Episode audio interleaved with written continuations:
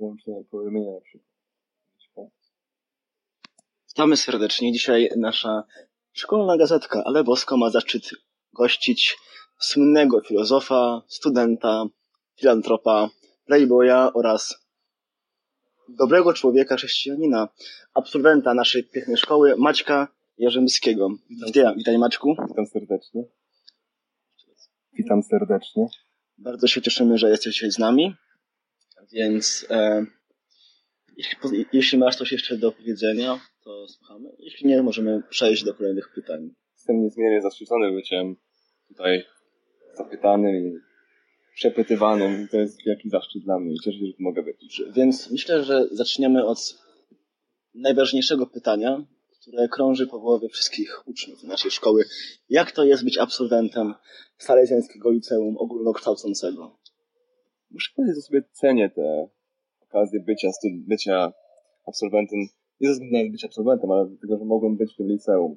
I dobrze jest wyjść z tego liceum w takiej atmosferze, jakiej ja wyszedłem, takiej pełnej dobroci przyjaźni z ludźmi tam, którzy tam pracują i cieszę się, że nie byłem w takim publicznym liceum, że mogłem być w liceum takim prywatnym i teraz mogę tam wracać, odwiedzać, mogę spotykać się z nauczycielami i z uczniami. To jest taki fajny kontakt, który warto utrzymywać. No właśnie, czyli powiedziałeś, że dobrze jest e, dobrze opuścić liceum, jednak jesteśmy również ciekawi, czy jest jakaś rzecz, za, za którą tak najbardziej tęsknisz u nas w szkole? Jest kilka takich rzeczy. Na pewno tęsknię za niektórymi nauczycielami i lekcjami z nimi. E, bo były naprawdę przyjemne i teraz jak jestem na studiach, to doceniam bardziej te lekcje na pewno. Tęsknię też za takim poczuciem wspólnoty w klasie, bo na studiach tego nie ma. Na studiach jest, są ro, roczniki, które mają ze sobą zajęcia czasami, one się trochę wymieniają i nie ma takiej, takiej jedności wśród tych ludzi, więc na pewno za tym. Takiego sensu wspólnoty, tak? Tak, coś, coś takiego jak było w Salezjanach. Myślisz, że chodzenie do takiej szkoły jak nasza w jakiś sposób wpłynęło na twoje dalsze e, życie, zainteresowania, wybory? Ba- bardzo możliwe, w sensie ciężko mi stwierdzić, bo nie, nigdy nie byłem w innej szkole niż. Byłem tam w gimnazjum, potem byłem w liceum, więc 6 lat tam spędziłem swojego takiego nastoletniego życia. Ale no podejrzewam, że dało mi takie poczucie, że jest coś więcej niż tylko zwykłe chodzenie do szkoły i jakoś to mnie ukształtowało jako człowieka na pewno. No właśnie, już wspomniałeś, że często wracasz do szkoły. Trudno nie za- zauważyć, że to się dzieje dość często, również w dość nieoczekiwanych warunkach i okolicznościach. E, Ale dlaczego to robisz? tak jak mówiłem, w sensie fajnie jest wrócić do liceum, fajnie jest poczuć się znowu takim, takim uczniem, a nawet jako, wiadomo, jako absolwent, ale fajnie jest tak po prostu być w tych murach szkoły jeszcze raz. Fajnie jest spotkać się z tymi ludźmi, czasami ich zaskoczyć w nieoczekiwanych momentach. Także myślę, że dlatego. Teraz tak? Z perspektywy studenta studiów, czy w porównaniu z osobami, które chodziły do innych szkół, na przykład publicznych, e, twoje wykształcenie w szkole, powiedzmy takiej e, prywatnej, katolickiej, w jakiś sposób polepszyło ci perspektywy na uczelni? Czy może jest wręcz przeciwnie? Tak jak mówię, ciężko stwierdzić, ponieważ ja chodzę na, na studia międzynarodowe. Ale gdy porównujesz się z innymi uczniami, z uczniami.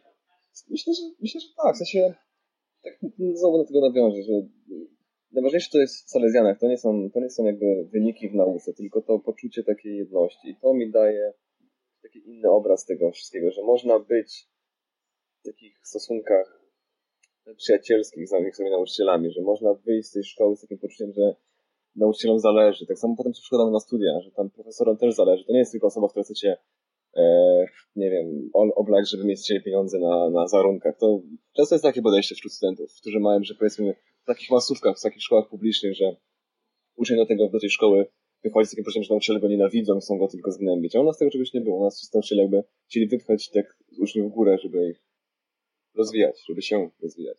zgadzam się w 100%. To jest ogromny plus. A teraz tak, może w kwestii studiów. Wiadomo, że e, w życiu studenta najważniejszy jest brak e, utrzymania przez rodziców, tudzież mieszkania u mamusi, więc myślisz, że poradziłeś sobie z tym dość dobrze? Generalnie tak twoje wrażenia po pierwszym roku studiów. W sensie ja mam to szczęście, że nie muszę się wyprowadzać do innego miasta stu- studiować. W sensie mógłbym, ale nie czułem takiej potrzeby. Wyprowadziłem się z domu jak zacząłem pierwszy rok we wrześniu, w październiku w sensie w tamtym roku, to wyprowadziłem się do Warszawy, mieszkałem tam pół roku.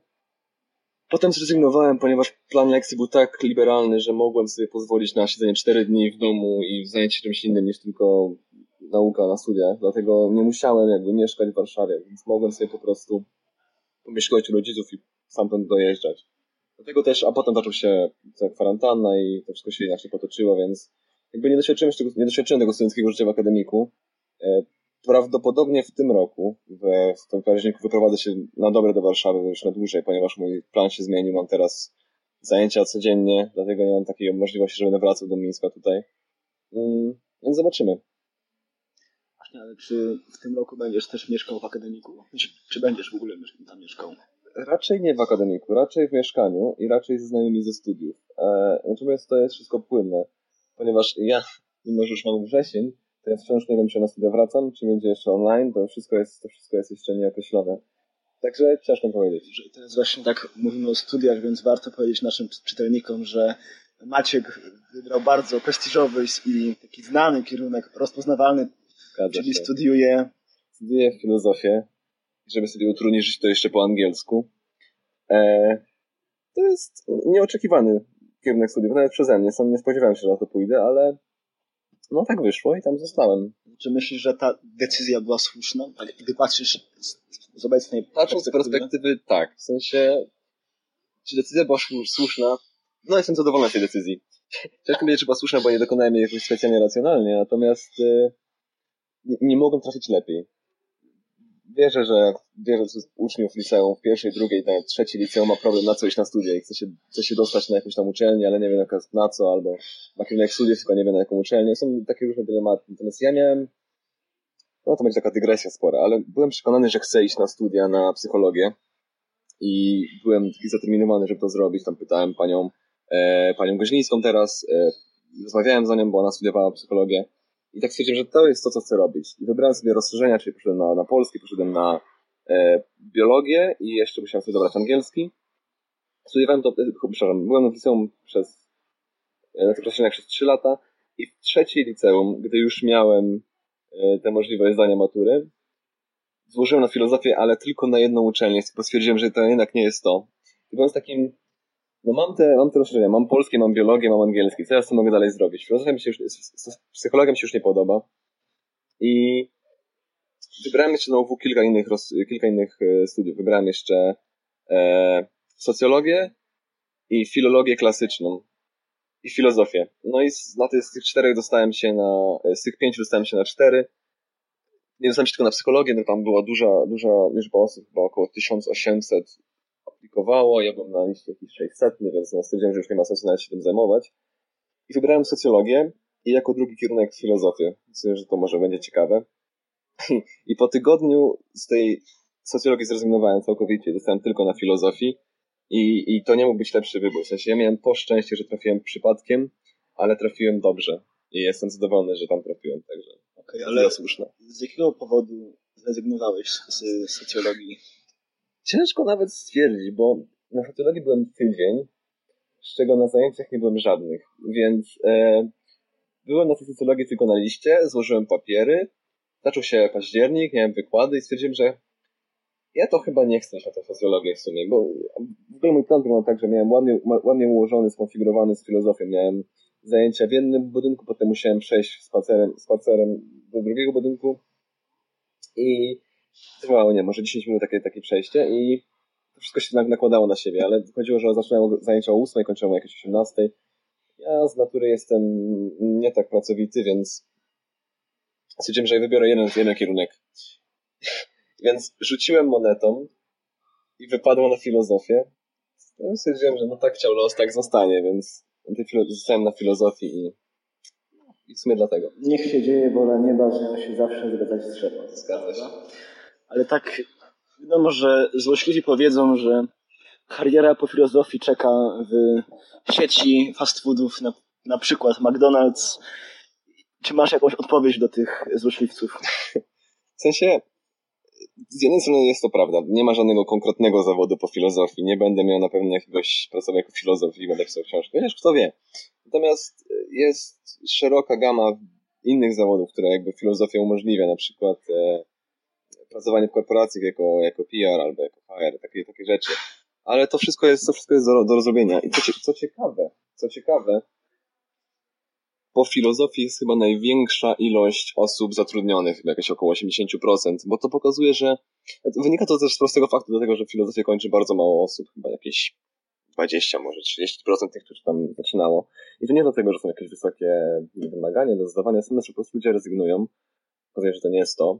A kończą ci zdeterminowa- zdeterminowani, którzy jakby ciekawi ich ta filozofia. I potem oni mają takie, powiedzmy, logiczne zdolności, które im pozwalają się odnaleźć w tym rynku pracy, więc wcale nie jest tak, że po filozofii jest jakieś mniejsze zatrudnienie. Na pewno nie w zawodzie, ale człowiek ja prawdopodobnie pójdę na kolejny stopień, kolejny stopień studiów i potem pójdę jeszcze na kolejny stopień studiów, może jak się uda. I planuję pracę jako wykładowca, ale no to się wszystko zobaczy. Nie?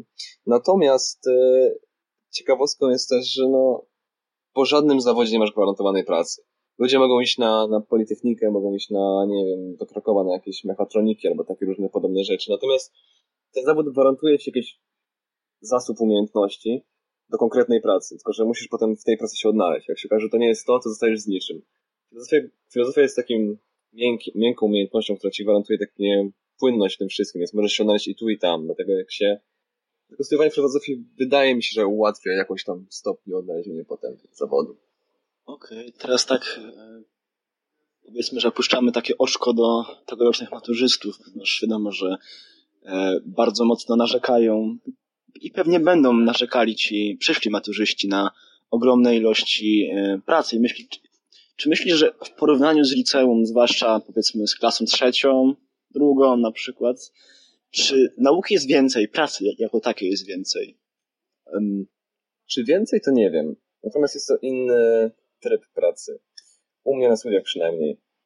W w liceum jest o tyle fajnie, że jest sobie pani nauczyciel albo pan nauczyciel, który daje ci podręcznik, mówi, tego się musisz nauczyć, dasz sobie konkretny dział, robisz sobie konkretne zadania i tak dalej i masz takie proste linie, taki szablon, który musisz podążać i to robisz to i tak dalej, to się odnajdujesz. Natomiast na studiach pracy może być mniej lub więcej, natomiast jest to inny tryb pracy, tak jak mówiłem. Jest taka praca, która wymaga od ciebie kreatywnego działania. To przynajmniej u mnie jest tak jest, że ja muszę e, sam sobie znaleźć książkę, którą chcę przeczytać, muszę sobie z tej książki wyciągnąć wnioski, muszę potem to opracować samemu i jakby wykładowca mi tylko dyskutuje ze mną ten temat tej książki na przykład, albo prowadzi mnie tam, się mniej więcej pokazuje, w jakim kierunku powinienem iść. Natomiast nie ma takiego czegoś, że daje mi taką tabelkę, z czego się muszę nauczyć i potem mówi, z tego, tego będziemy wymagać na sesji. To, jest, dlatego to jest inny sposób pracy. To, to, to ciężko to porównać. Myślę, że to się bardzo przyda naszym przyszłym studentom.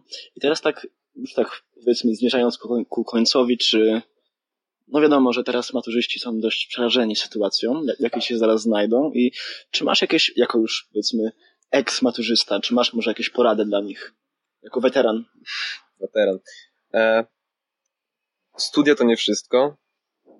Mm, Fajnie jest studiować, fajnie jest wiedzieć, co się chce w życiu robić. Natomiast nie nakładajcie na, sobie, na siebie tej presji, że musicie wiedzieć, co chcecie robić w trzeciej liceum, że musicie studiować po maturze, bo to nie jest e, obowiązek i to nie jest w żadnym stopniu wyznacznik bycia lepszą osobą. Jeśli macie rok przerwy, miejcie rok przerwy. Jeśli chcecie iść na coś, co nie dostaliście, spróbujcie za rok. E, może się okazać, że się wam zmieni to wszystko i po roku rzucicie studia, albo po semestrze, a nawet po dwóch semestrach, albo nawet, nie wiem, powiedzmy po dwóch latach. Także to nie jest takie, nie ma takiego imperatywu, że musicie coś studiować w tym momencie. Dlatego jak wam się nie uda, to próbujcie dalej, albo szukajcie innej drogi. To są bardzo pocieszające słowa. Miejmy nadzieję, że uratują mnie jedną noc ma- maturzystom. Sen jest bardzo ważny. I teraz ostatnie pytanie. Co sądzisz o stanie współczesnej młodzieży oraz sytuacji geopolitycznej w Sudanie Południowym? Sądzę, że jest bardzo źle. Dziękuję za uwagę. Dziękujemy bardzo. To było Ale Bosko, prosto z Eklerka. Dziękujemy.